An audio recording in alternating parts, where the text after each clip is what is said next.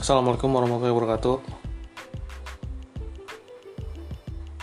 Selamat uh, selamat melakukan apa pun yang sedang dilakukan saat ini. Ada ranting, ada kayu. I am nothing without you. Ya, dibuka dengan pantun yang sangat norak. Kali ini mau bicara soal kopi. Yap, seperti sudah diketahui bersama oleh masyarakat kota yang yang menggemari tempat-tempat yang instagramable bahwa kegiatan meminum kopi yang dahulu kala hanya sebuah kegiatan biasa gitu ya. Ya udah biasa aja ke pasar wae babe gitu. Di warung kopi ngobrol hahihi pakai singlet pakai sarung uh, kopinya kopi hitam kopi susu udah biasa gitu nggak pakai nama-nama asing gitu. Nggak ada barista pakai tato atau yang rambutnya di disanggul seperti kartini gitu. Nggak pakai apa cake cake yang namanya juga asing gitu. Uh, kini sih berubah tuh di kota-kota besar tuh. Jadi minum kopi seolah menjadi bukan seolah lagi ya telah menjadi um, suatu aktivitas rutin dan berubah drastis gitu. Jadi bukan hanya babeh-babeh saja tapi lebih ke sekarang anak muda. Saya nggak mau pakai istilah milenial ya. Soalnya gembel juga ada yang jadi yang milenial ya. Nah dan ini menjamur udah dari wah sudah lama sih lima tahun ke belakang lah ya uh, uniknya ini memiliki nada-nada yang sama gitu dari segi ke, apa kedainya gitu.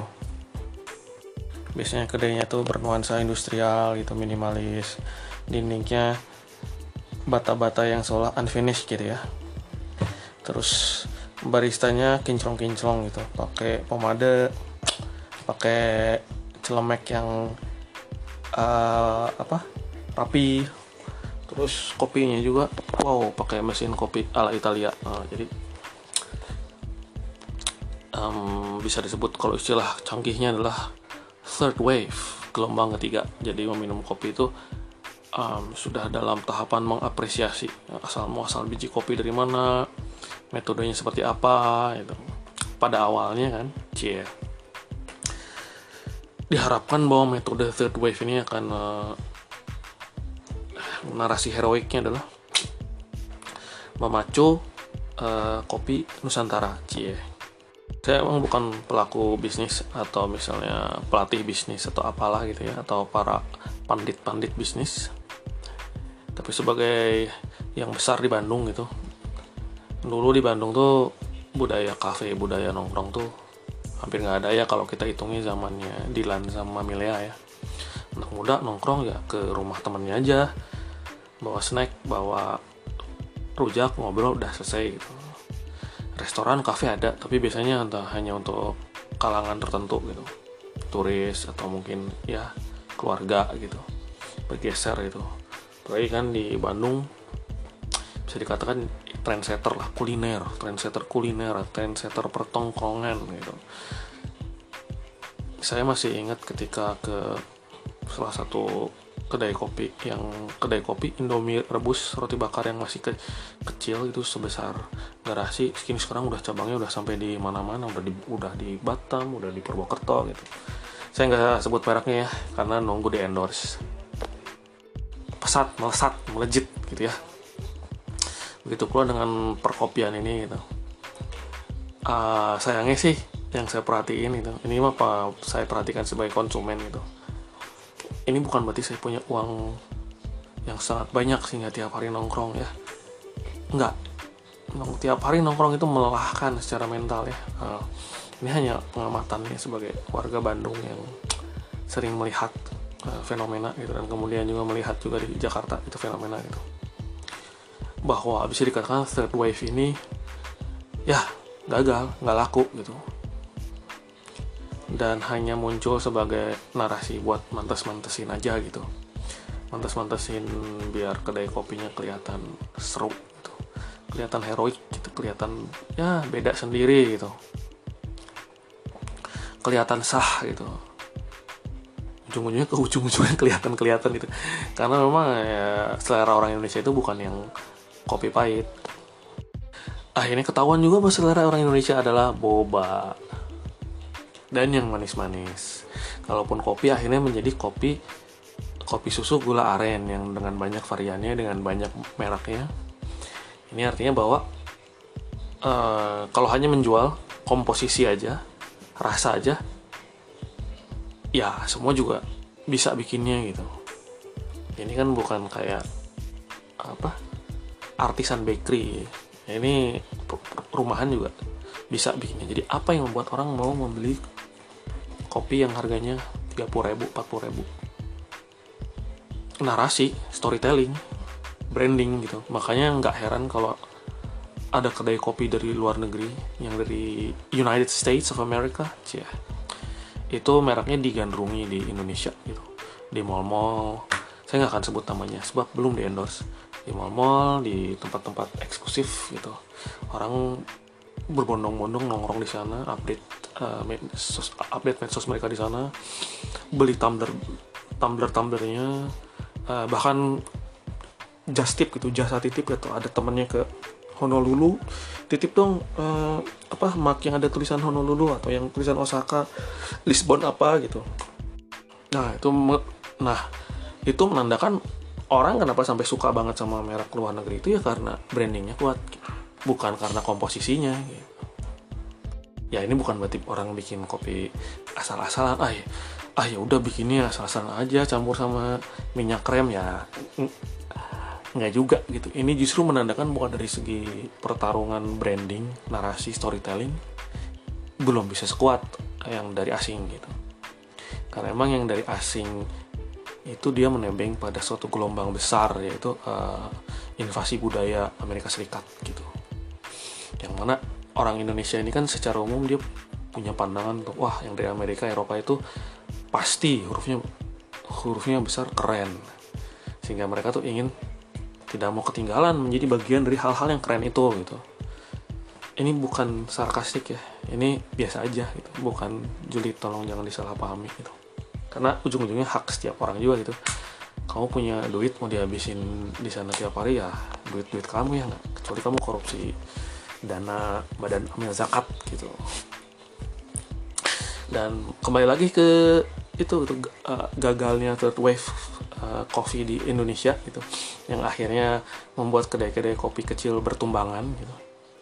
Karena mereka hanya mengandalkan itu aja mengandalkan penjualan per cup tapi tidak memperkuat narasi tidak memperkuat brandingan gitu. Pun yang ada saya lihat brandingan-brandingan kedai yang lain itu tidak ada sesuatu yang unik yang berbeda gitu malah sah serupa tapi tak sama gitu. Misalnya di dibuat puitis-puitis lah dibuat seolah-olah peduli sosial lah dibuat selengean-selengean jaksel lah lu gue lu gue lah. Ya nggak salah cuma itu jadinya serupa tapi tak sama gitu. Seolah-olah kayak hanya melihat Indonesia tuh hanya dari satu satu channel gitu bahwa ini loh narasi kopi Indonesia tuh yang seperti begini gitu yang adiluhung padahal kan ada berbagai macam jenis narasi dan storytelling di Indonesia gitu. Kenapa nggak kenapa tidak mencoba itu gitu? Dan itu yang belum uh, belum saya ketahui kenapa gitu. Padahal orang pada orang Indonesia itu tidak kurang tidak kurang orang-orang yang pintar gitu ya. Kan banyak sekarang orang menggelari dirinya sendiri content creator lah brand manager apalah gitu.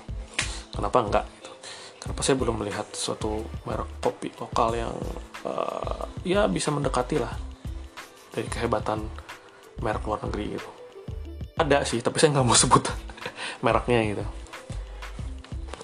Uh, yang jelas uh, merek tersebut gitu uh, laku emang kopinya enak dan uniknya merek itu tidak punya narasi sok gagah sok heroik sok peduli lahan sok peduli sosial gitu. Tapi laku gitu. Itu merek Indonesia ya. Itu tebak-tebak buah manggis ya. Kamu tebak aja sendiri. Pokoknya clue-nya adalah clue-nya adalah dia yang mempopulerkan genre kopi susu gula aren. Kalau lihat media sosialnya saya belum saya nggak mau sebut namanya karena jadi endorse. Biasa aja gitu. Nggak ada itu narasi sok gagah sok puitis meliu yang membuat orang terharu sambil menatap membayung senja nggak ada tapi laku gitu.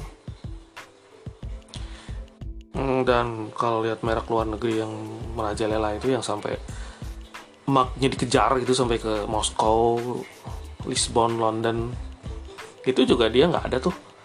Narasi adiluhung menatap lembayung senja tuh nggak ada tuh. Tapi laku kan tapi orang langsung top of mind ke sana kan gitu. Dan ini balik lagi gitu. Di podcast sebelumnya saya pernah bilang mencandu konten berkualitas gitu. Kayak semacam salah kaprah gitu bahwa hanya karena saya punya narasi adiluhung maka otomatis laku gitu. Enggak juga. Boleh aja sih orang berteori audiens atau konsumen itu bisa diciptakan. Boleh aja. Tapi jumlahnya berapa gitu. Ya mungkin kalau saya punya kedai kopi terus narasinya pakai filsafat Martin Heidegger gitu. Bisa aja sah-sah aja gitu. Tapi ya jangan berharap bakal selaku yang merek luar negeri itu gitu. Karena ya di Indonesia siapa juga yang baca Martin Heidegger coba.